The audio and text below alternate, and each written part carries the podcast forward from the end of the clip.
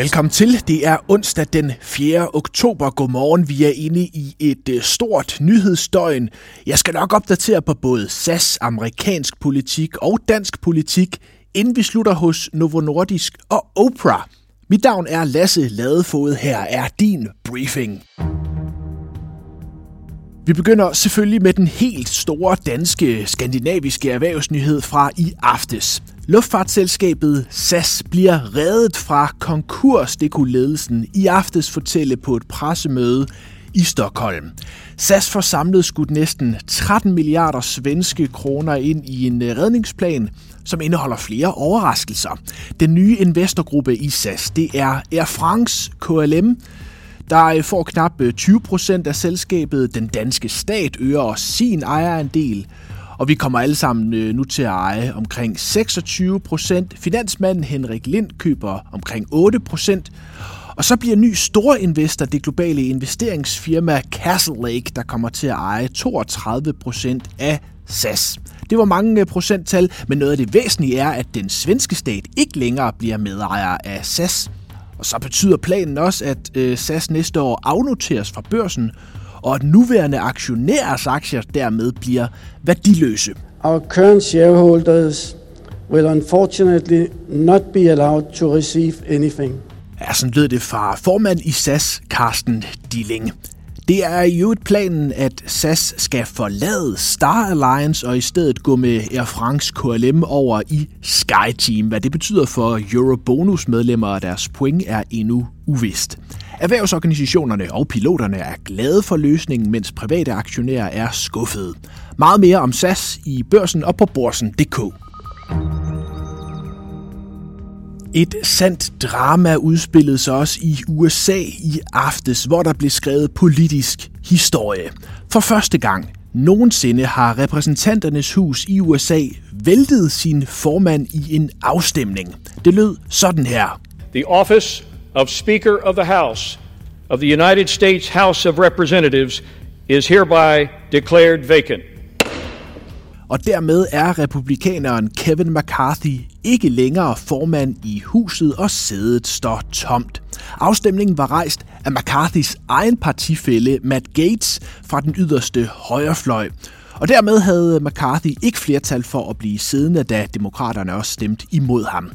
Afstemningen kommer efter weekendens aftale mellem McCarthy og præsident Biden om at forlænge det amerikanske statsbudget i 45 dage. Det var højfløjen, højfløjen ikke tilfredse med. Her vil man blandt andet have sløjfet USA's økonomiske støtte til Ukraine. Med McCarthys afgang er kongressen kastet ud i kaos, som i den grad bliver ved at følge de kommende dage og uger. Der er nemlig ingen oplagt kandidat lige nu til at overtage formandsposten, og hvem det bliver, kan også få afgørende betydning både for USA's budget og for Ukraine. Ja, tirsdag var også en stor politisk dag i øh, Danmark. Der var godt nok ikke nogen, der blev afsat, men øh, dronningen og alle de andre var samlet på Christiansborg for at åbne Folketinget for i år. Det bød som altid på den øh, traditionsrige tale af statsministeren. Mette Frederiksen brugte en stor del af talen på børn og folkeskolen. Hun lægger op til en stor folkeskolereform hvor man vil sætte skolerne fri, siger hun. Statsministeren lovede også at arbejde på et udspil på ældreområdet, på skattelettelser, på stærkere dansk forsvar og en ny europapolitisk aftale. Hun talte om øh, klima og om Europas rolle i verden. Det er mest på et verdenskort, at Europa, at Europa er centrum for verdensgang. Kig på en globus, eller spørg Andreas Mogensen. Ja, og alle SVM-regeringens øh, og statsministerens planer vil inden længe blive præsenteret i en samlet 2030-plan. Så skal vi altså også lige nå at tale om øl. Carlsberg kastede sig i nullerne ud i et russisk eventyr, som de senere år har udviklet sig til lidt af et mareridt. Efter Ukrainekrigens udbrud har Carlsberg forsøgt at sælge sin store forretning i Rusland i juni satte russerne så deres egen ledelse ind i Carlsbergs datterselskab, og nu kaster det danske bryggeri så endegyldigt håndklædet i ringen. Man stopper fra næste år alt salg af Carlsbergs produkter i Rusland, og det betyder, at Carlsberg nu ikke længere forventer at kunne få penge for sine russiske aktiviteter, som inden krigens udbrud var værdisat til 20 milliarder kroner. De er nu nedskrevet til 0. Der er også uro på de finansielle markeder. Renterne bliver ved med at øh, flyve i vejret. Den 30-årige amerikanske rente nåede tirsdag op på øh, 4,9 procent. Det er det højeste niveau siden 2007 altså lige inden finanskrisen. Også de tyske og italienske renter nåede det højeste niveau i et årti. Rentestigningerne kommer særligt efter signaler fra centralbankerne om, at man har tænkt sig at holde de ledende renter høje i lang tid. Også den amerikanske boligrente er steget markant.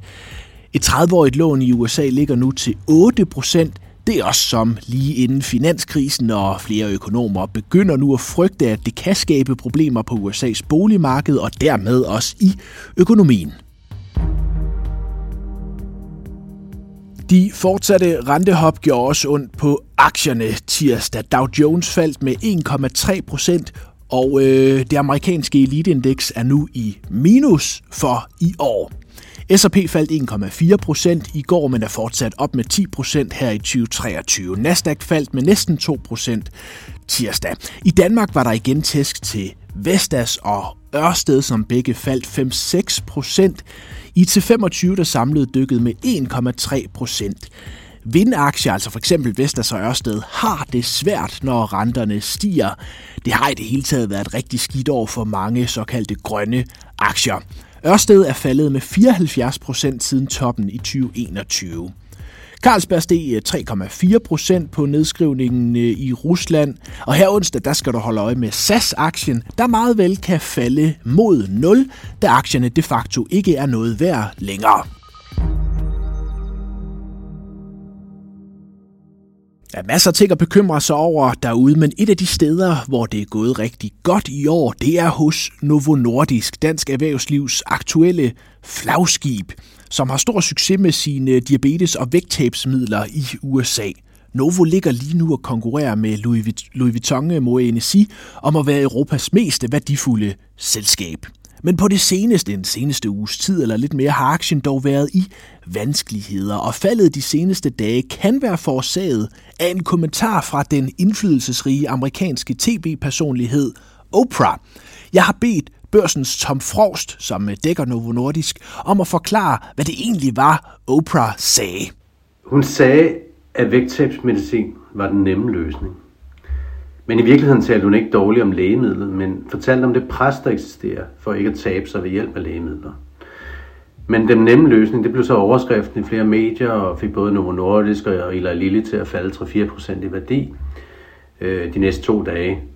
Men ordene blev sådan taget lidt ud af kontekst, fordi debatten handlede på det tidspunkt om det sociale stigma ved fedme og brugen af lægemidler mod noget, som en stor del af befolkningen i USA ikke anser som en sygdom, selvom det allerede er anerkendt som en sygdom.